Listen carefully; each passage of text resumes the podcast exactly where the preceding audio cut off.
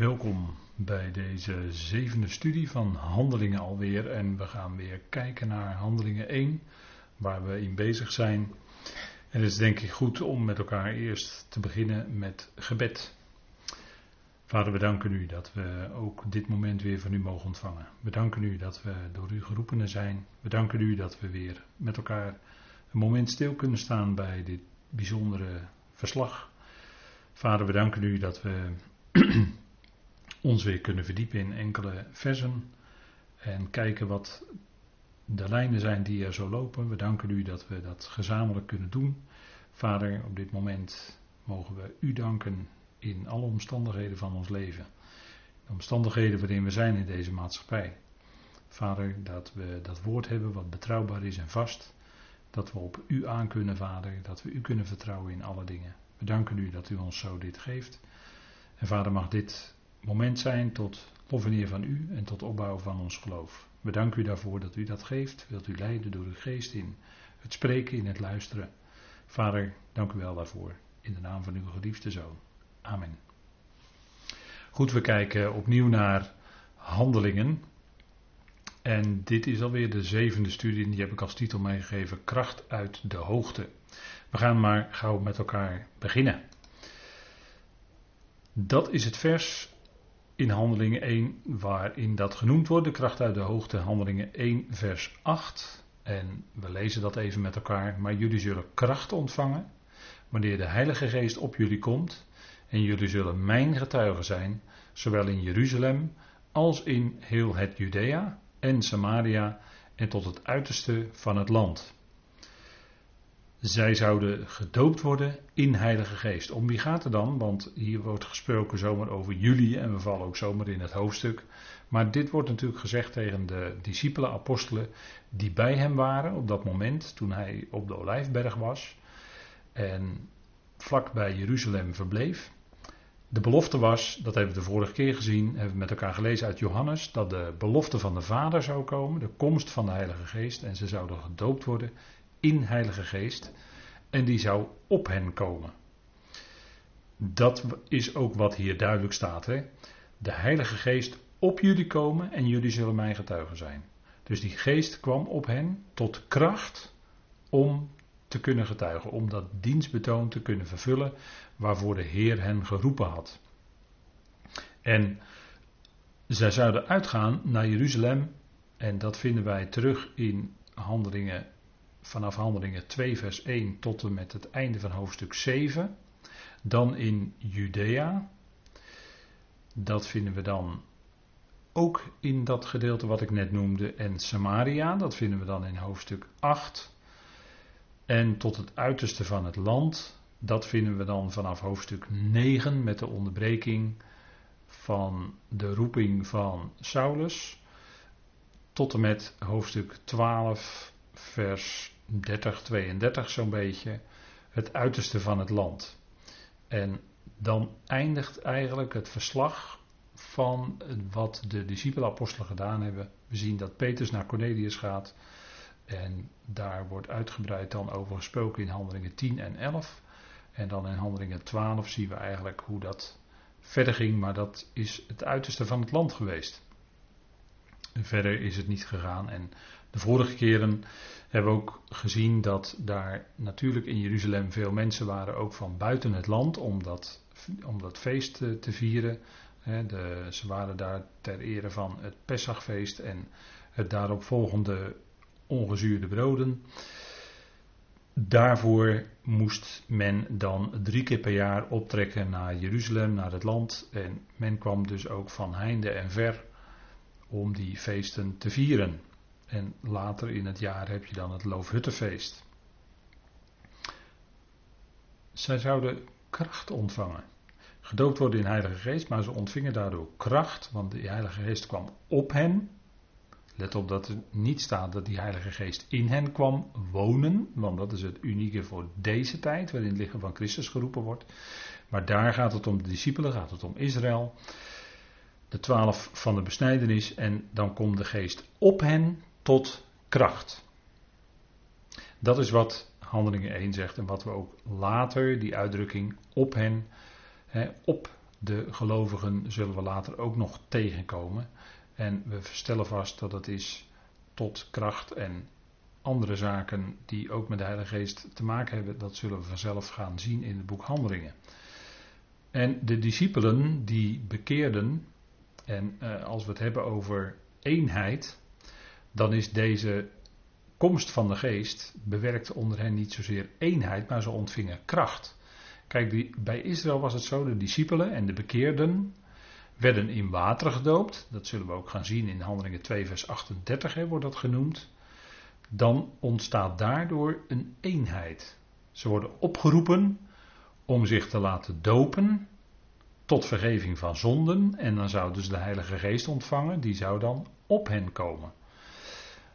En in het liggen van Christus is dat anders. En ik heb daarom toch op deze diagemeente een verschil te moeten zetten, omdat het kenmerkend is.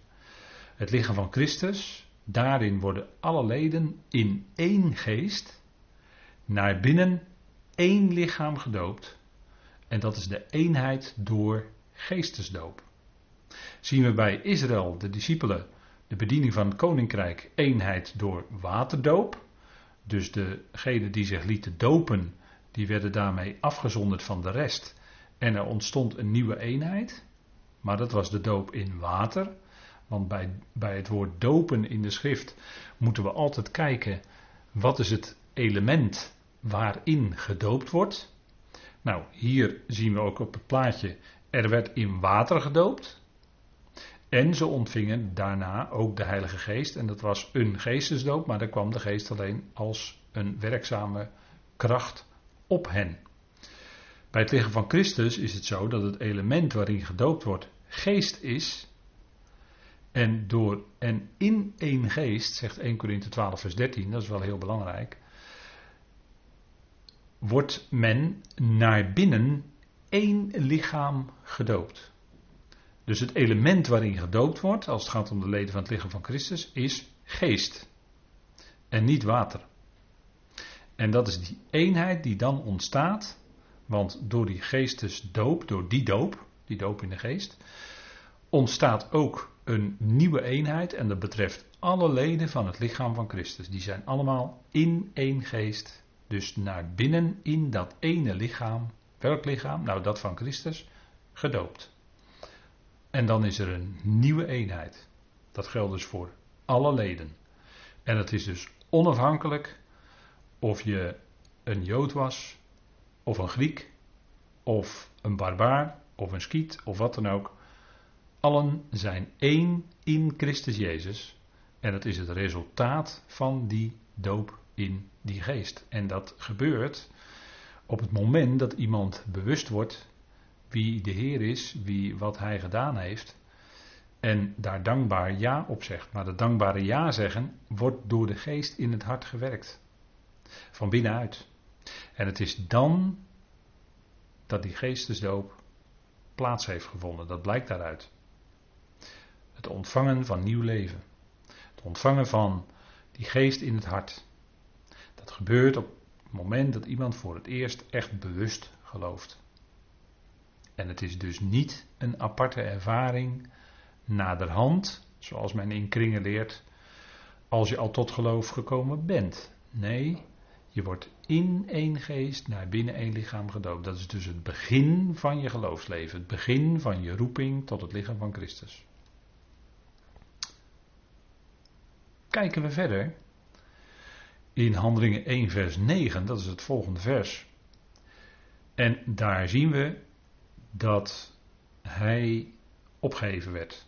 Er staat, en deze dingen zeggend, werd hij, dat is de Heer Jezus Christus, terwijl zij keken, opgeheven en een wolk nam hen, hem op van hun ogen af, staat er dan. Hij werd dus opgenomen van hen. Ze waren op dat moment op de Olijfberg en hij voer dus heel langzaam op.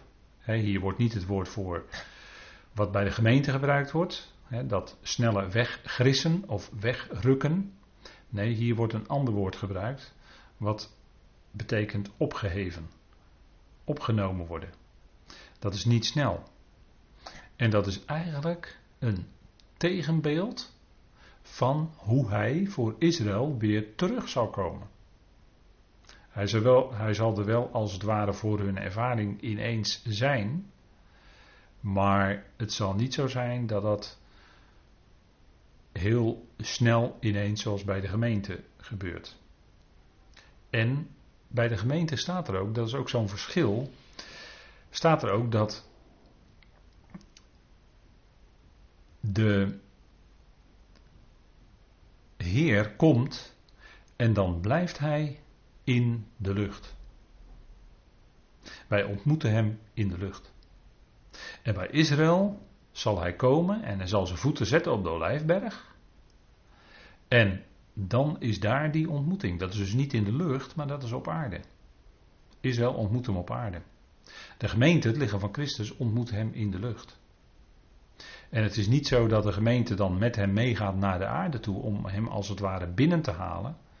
Dat is een hardnekkig misverstand. En ik blijf dat zeggen, omdat dat echt een andere gebeurtenis is. Ook een andere tijdstip. Daar gaan jaren overheen voordat hij komt op de Olijfberg. Zijn wederkomst op de Olijfberg voor Israël. Daar zit, en dat is mijn vaste overtuiging, daar zit minstens zeven jaar tussen. Het moment dat wij hem ontmoeten in de lucht en hij ons meeneemt verder naar de hemel toe. Dat blijkt uit wat Paulus verder in zijn brieven schrijft. Dat wordt niet direct in 1 Thessalonicense 4 gezegd, dat is waar. Alleen later in zijn brieven, in zijn latere brieven, gaat hij duidelijk maken wat dan de plaats van de gemeente is. Dat is in de hemelen, te midden van de hemelsen. En daar is, ligt ook de bediening van de gemeente, de toekomstige bediening. Dat is dus echt een ander traject dan Israël, die op aarde is en blijft. Zijn wederkomst voor Israël is op de Olijfberg. Dus zijn hemelvaart hier is een tegenbeeld van zijn terugkeer, waarover bijvoorbeeld ook in Matthäus 24 wordt gesproken. Zijn terugkeer, zijn wederkomst voor Israël op de Olijfberg. We gaan verder lezen in Handelingen 1, vers 10. En toen zij aandachtig keken naar de hemel terwijl hij ging, zie twee mannen stonden voor hen in witte kleding, die ook zeiden. Even tot zover. Ze keken aandachtig en misschien wel met verdriet in hun hart. Hij ging bij hen weg. Maar zie, daar stonden twee mannen in witte kleding. En dat zijn natuurlijk witte dat zijn uh, ja, in die witte kleding, dat zijn boodschappers die hen het nodige kwamen vertellen. En hier zien we ook dat het puur een Israëlzaak betreft, want de boodschappers hebben een bediening, als je dat naloopt in de schrift, met betrekking tot Israël. Israël wordt bijgestaan door boodschappers. We kennen natuurlijk Michael, we kennen Gabriel, en hier ook weer die twee. We kennen de twee boodschappers die bij het graf waren toen hij net was opgestaan. En die dingen vertelden. En uh, ja, u ziet hier op dit plaatje wel twee eh, van die in het wit geklede boodschappers met vleugels op hun rug. Nou, die vleugels op hun rug kun je rustig vergeten. Dat is natuurlijk fantasie van de tekenaar. En dat is een uh, oude, hardnekkige traditie die eigenlijk nergens op gestoeld is. Ja, misschien met visioenen in Ezekiel en in Daniel. Uh, en in openbaring, waarin gerubs worden getoond en waarin vleugels worden getoond. Maar dat is natuurlijk een visioen. Hè? Hier gaat het om echte boodschappers die echt iets, een boodschap kwamen overbrengen. En Hebreeën 1 vers 14, en ik zoek het toch even met u op. Hebreeën 1 vers 14 zegt daar ook iets over. Hebreeën 1 vers 14. En we lezen daar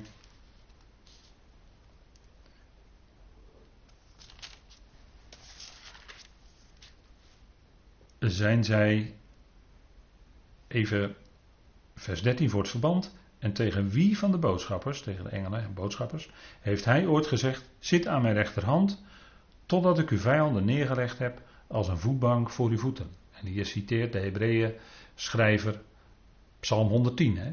bekende psalm die regelmatig met de positie, in verband met de positie van Christus nu wordt aangehaald in de Griekse schrift is natuurlijk een geweldige psalm. Hè? Psalm 110 wordt ook gesproken over Melchizedek. Zijn zij niet allen, dat wordt van die boodschappers gezegd, hè? zijn zij niet allen dienende geesten die uitgezonden worden ten dienste van hen die de redding zullen beërven. Nou, in het verband hier, dit is de Hebreeënbrief, in het verband hier gaat het natuurlijk om die Hebreeën. En natuurlijk heeft de Hebreeënbrief een bijzondere plaats, een unieke positie eigenlijk binnen uh, al de brieven van de Griekse schrift. De Hebreeënbrief wil eigenlijk de gelovigen uit Israël meenemen richting het evangelie van de apostel Paulus. Vandaar ook dat in Hebreeën wordt uh, diverse keren ook het woord op hemels wordt gebruikt. Er wordt gesproken bijvoorbeeld over een op hemels Jeruzalem. Of een roeping. Hebreeën 3 vers 1. Er wordt gezegd, broeders, jullie die de ophemelse roeping deelachtig zijn. En daarin, met, met die uitdrukkingen, wil de Hebreeën schrijver en ook de heerlijkheid van Christus nu laten zien. Op een bijzondere manier. Bijzondere hemelse dingen worden getoond in Hebreeën ook. Wil die Hebreeën schrijver hem meenemen richting het evangelie van Paulus.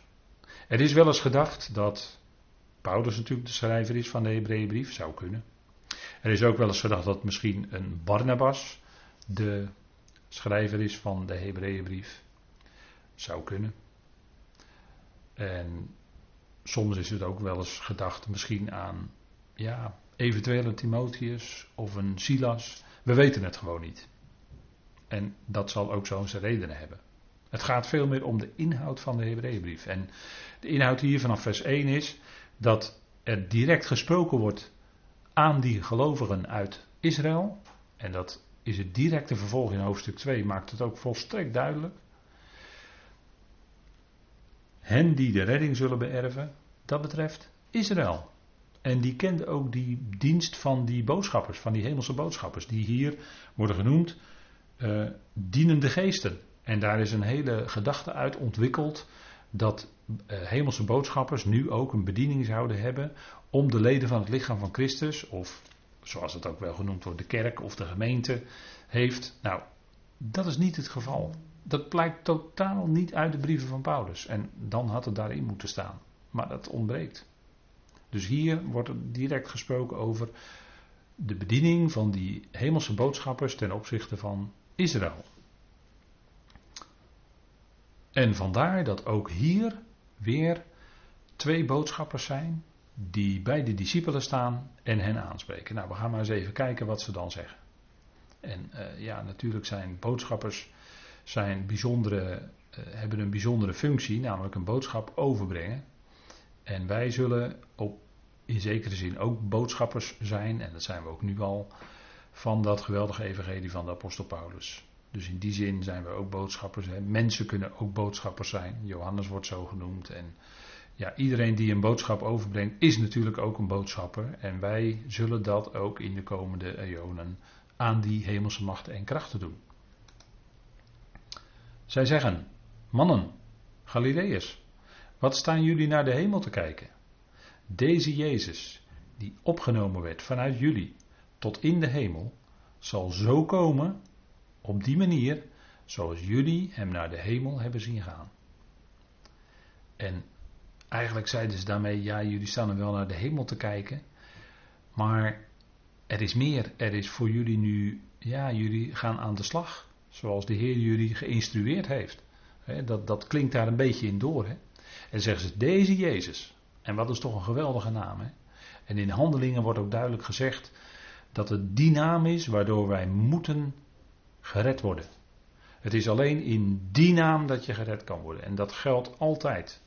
Jezus is de gekruisigde, maar hij is ook de opgestane. En Jezus spreekt, is natuurlijk de naam van zijn vernedering. Maar bij zijn naamgeving werd gezegd in Matthäus 1, hij is gekomen opdat hij zijn volk, Israël, zou redden van hun zonden. En dat doet hij ook. Dat is nog steeds toekomstmuziek. En natuurlijk werden er mensen uit dat volk gered. In zijn bediening en direct daarna.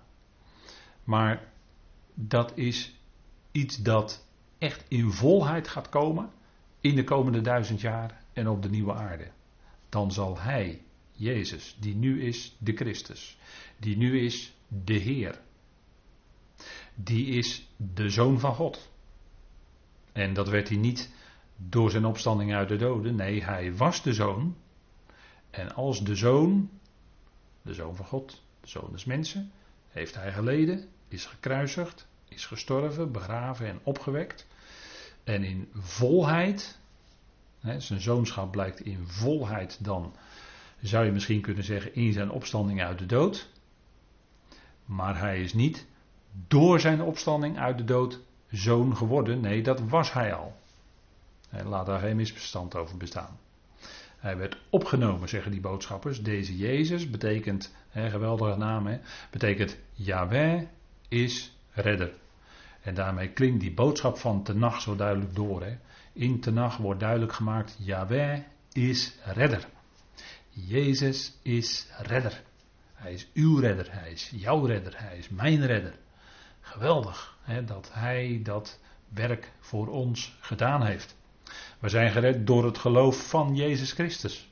En hij werd opgenomen vanuit jullie tot in de hemel, zeggen deze boodschappers. En hij zal zo komen op die manier, zoals jullie hem naar de hemel hebben zien gaan. Zo, op die manier. Wacht even, dat moet natuurlijk haken bij de luisteraar. Hè?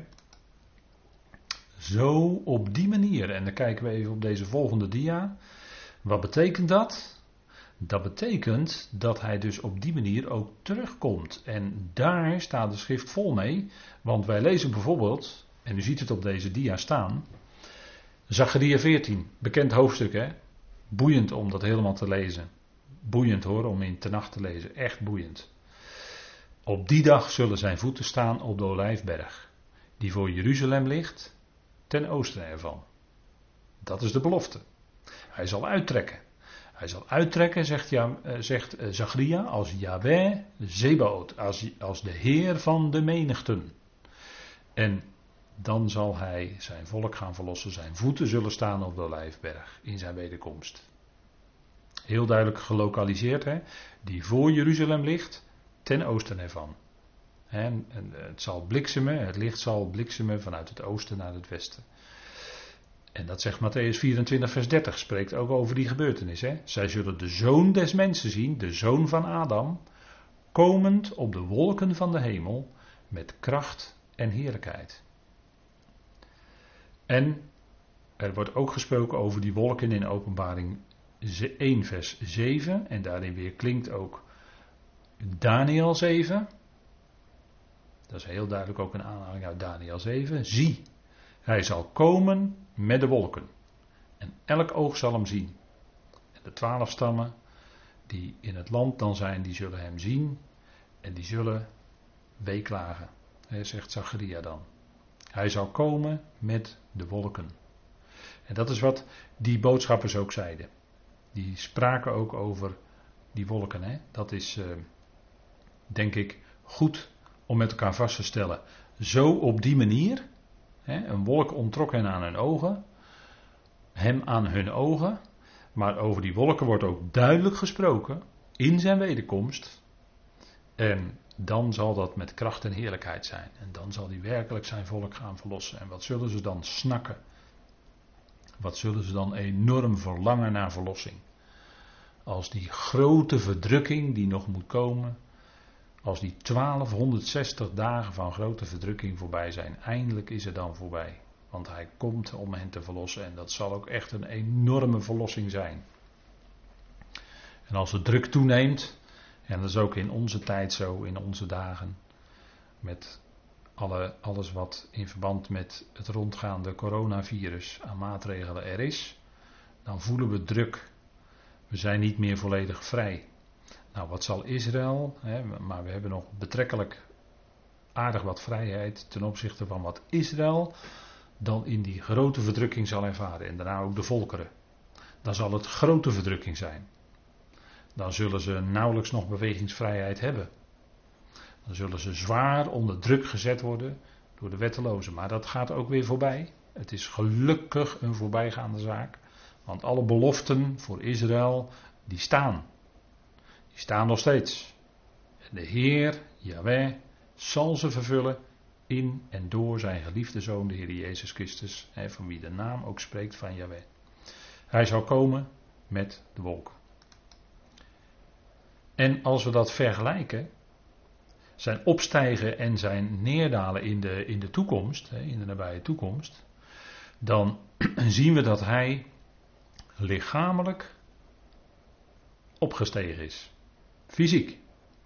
Hij steeg op vanaf een gelovige rest van Israël die op dat moment verzameld was. Het waren een klein groepje verzamelde gelovigen, een gelovige rest. De discipelen symboliseerden die rest. Er waren natuurlijk op dat moment nog meer. Maar die, die, die, uh, die twaalf die symboliseerden dat, of elf. Van een nog niet gevestigd koninkrijk. Dus hij steeg op van een nog niet gevestigd koninkrijk. Men keek hem na zo omhoog. En hij ging in de hemelen. De gelovige rest uit Israël was op dat moment omringd door vijandigheid. Dat was het moment, hè, dat was de hele situatie op het moment dat hij opsteeg. En als hij afdaalt, want dat is de belofte, hij zal ook weer neerdalen. Dat hebben we gezien, hè, net, we hebben net met elkaar gelezen, Matthäus 24, Zacharia spreekt erover, hij zal neerdalen, hij zal zijn voeten zetten op de Lijfberg. En wat is er dan? Nou, dat zijn sterke overeenkomsten. Hij zal ook weer lichamelijk, lijfelijk neerdalen. En zijn voeten, wordt gesproken over zijn voeten, dat is letterlijk, zullen staan op de Lijfberg. En hij zal komen dan naar een gelovige rest van Israël. Dat zal er ook dan zijn. Ja, in die dagen zal er ook een gelovige rest zijn. Daar spreekt Romeinen 9, vers 11 ook over. Een rest zal behouden worden. Daar spreken ook profetieën over. Bijvoorbeeld Jezaja. Het zou boeiend zijn om dat eens na te lopen. Waarin gesproken wordt over die gelovige rest. En hij zal neerdalen naar een nog niet gevestigd koninkrijk. Maar het gaat komen, want die koning gaat zijn voeten daar zetten op, de olijf, op die olijfberg. En dat is het begin van het koninkrijk. En men zal hem zien. Omhoog kijken naar de hemelen. Met in het hart. het gaat erom die gelovige rest. Die zal omhoog kijken, die zal het weten. Hij gaat nu komen. En dan zullen ze dat gebed in hun hart hebben waar de openbaring mee eindigt. Kom, Heer Jezus, kom, ja, kom spoedig. En dat is denk ik ook voor ons als gelovigen, leden van het lichaam van Christus, het gebed. Hè? Kom, Heer, ja, spoedig, kom. Maar we weten ook, Vader bepaalt de tijd. Maar dat verlangen is in ons hart naar Hem. En Hij verlangt naar ons. En naar al diegenen die ons ontvallen zijn. Die zullen ook dan weer leven. Hè? Wat is dat geweldig. Hè? Elke keer als we daarover spreken, dan word je weer opnieuw daar blij van. Dat besef. Dat ook die overledenen die ons geliefd zijn, hè, die onze geliefden, die zullen er dan bij zijn. Want die zullen eerst opstaan. Dat is de belofte hè, van 1 Thessalonicense 4. Nou, hij zal ook afdalen naar een gelovige rest. En die zal ook dan zijn omringd door vijanden. Dus de omstandigheden zijn eigenlijk vrijwel gelijk als toen hij vertrok. Alleen er is dan dikke 2000 jaar voorbij gegaan. Heel veel tijd. En er is dan heel veel gepasseerd. En voor die gelovige rest die er dan is, is het net grote verdrukking geweest. Wat zal een enorme opluchting zijn als hij daar dan is. Ze zullen overstromen van blijdschap, van vreugde. Nou, dat is in zijn neerdalen. Hè?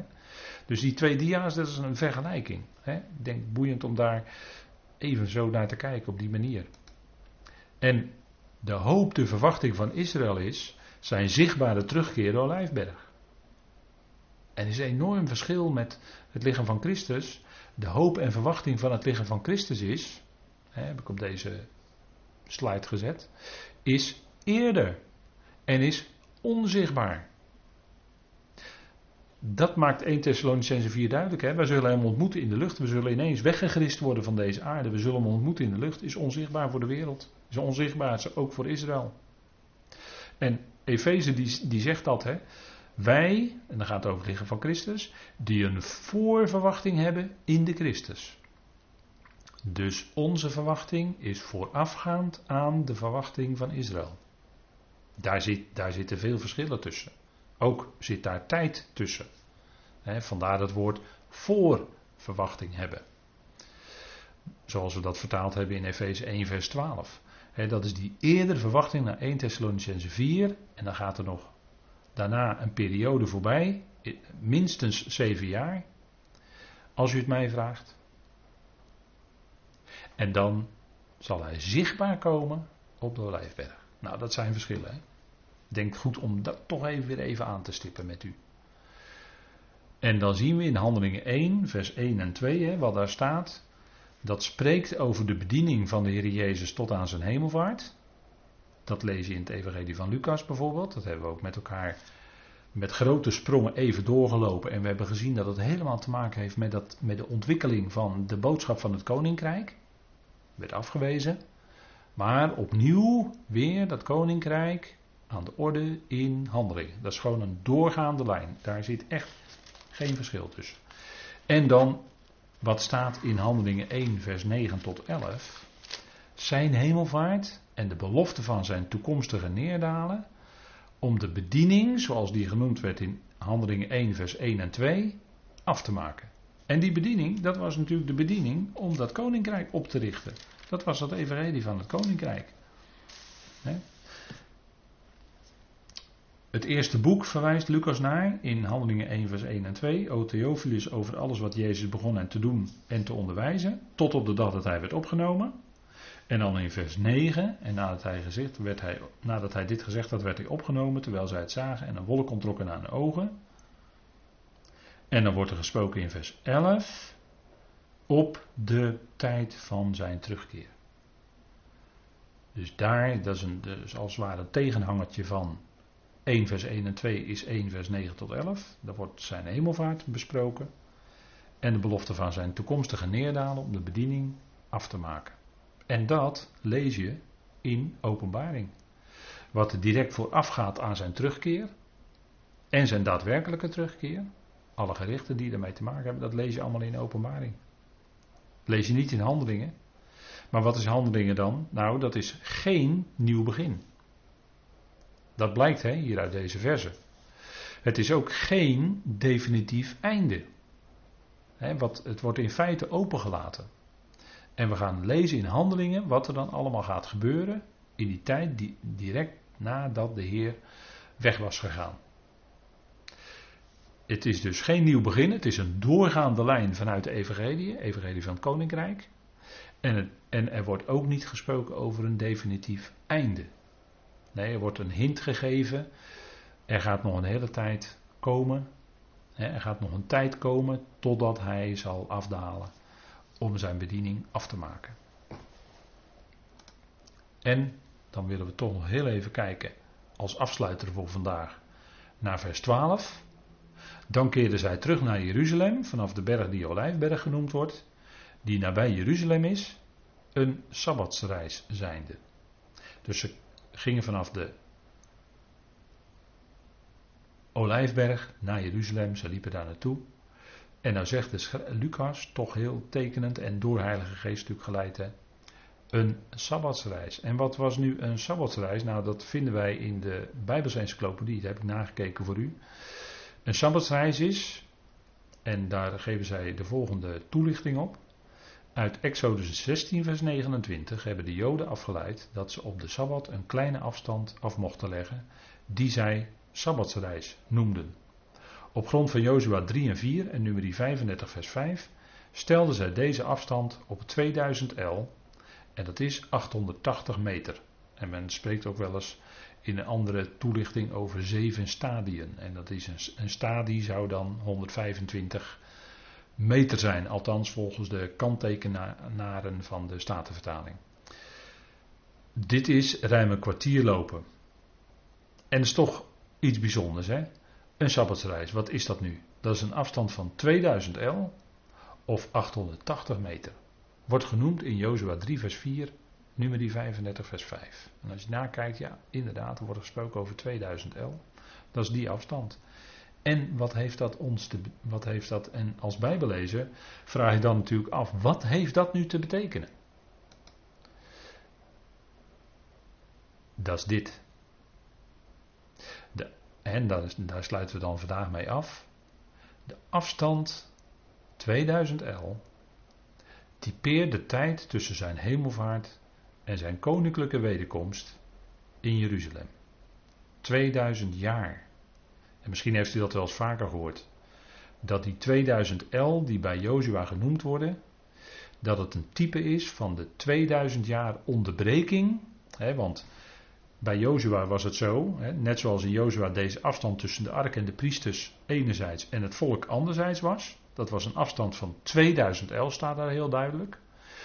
Dat was hun gang door de Jordaan heen. En dat gebeurde op de derde dag. En de derde dag en door de Jordaan heen gaan en daaruit opkomen is natuurlijk een beeld van dood en opstanding. Het is de derde dag, dus de dag van de opstanding. Dus de tijd tussen de opstanding van Christus en de tijd dat het volk zal in, werkelijk zal ingaan in het beloofde land en in het koninkrijk zal komen, is de afstand is 2000 L en dan zeggen we de tijd is 2000 jaar. Die 2000 L, want waarom staat het anders in de schrift, is 2000 jaar. De koning ging weg vanaf de Olijfberg. En hij zal terugkeren, ja, 2000 jaar later. Want bij de Heer, zegt Petrus in 2 Petrus 3, is duizend jaar als een dag en een dag als duizend jaar. En dan noemt Petrus dus twee keer. 2000 jaar. Twee dagen, twee profetische dagen bij de Heer is in feite 2000 jaar. En zegt die bekende profetie in Hosea 6 niet dat het volk na twee dagen zou herleven op de derde dag. Nou, is die 2000 jaar. Het volk zal herleven, het volk zal wedergeboren worden. Dat is een term voor Israël. Dat is niet een term voor de gemeente. Dat is een term voor Israël. Israël zal wedergeboren worden. Na, wanneer? Na twee dagen, op de derde dag, dat is de dag van hun opstanding, dan zal hij hun doen opkomen uit hun graven. Dat is een beeldspraak voor de verstrooiing waarin ze een kleine 2000 jaar zijn geweest, twee dagen zijn geweest. Er waren ze als het ware ondergegaan in de Volkerenzee, maar ze zullen daaruit weer opkomen. Beeld van hun opstanding, opstanding, wedergeboorte, ontvangen van de geest. Vervulling van de profetie van Joel 2, waar we over gaan lezen in Handelingen 2. Het zal allemaal gaan gebeuren. Dus die afstand, en hij is weggegaan als koning vanaf de Olijfberg. Maar hij zal met die gelovige rest, zal hij weer in Jeruzalem komen. En dat is een afstand van 2000. Dat is een tijd van 2000 jaar. Prachtig hè, zulke verborgen dingen in de schrift. Typologie. Ja, is mooi. Bevestigt bijbelse waarheden. Bevestigt datgene wat de Heer in zijn liefde heeft willen bekendmaken. Nou, zullen wij daar de Heer voor danken. Vader, we danken u dat we hiermee konden afsluiten. Een geweldig type van de belofte die u geeft. 2000 jaar. Na twee dagen zal het volk herleven. Vader, dank u wel voor wat we ook vandaag weer uit handeling hebben mogen zien. Ook de verschillen met ons als leden van het lichaam van Christus. Dank u wel dat onze eenheid niet gebaseerd is op de doop in water, maar op de doop in de geest. Dat we leden zijn van het lichaam van Christus en dat het iets geestelijks is. En dat we met elkaar verbonden zijn, ongeacht onze afkomst, want dat speelt geen enkele rol. We kennen elkaar niet naar het vlees. Vader, dank u wel. Dat die komst, de wederkomst van uw zoon, ook die op de Olijfberg aanstaande is. Het is nog een luttele tijd. En wat is, ach vader, wat is 10, 15 jaar? Vader, op 2000 jaar. Wat is 10, 15 jaar in dat hele plan van eonen? Het is maar zo'n korte periode. Wat is 10, 15 jaar in een mensenleven? Het is maar zo kort. We danken u voor datgene wat u hebt willen geven. We danken u dat we deze dingen met elkaar mogen overwegen. Vol vreugde dankbaarheid uitziend naar de spoedige terugkeer van uw zoon. Vader, we danken u daarvoor. We loven en prijzen u in de machtige naam van hem. Amen.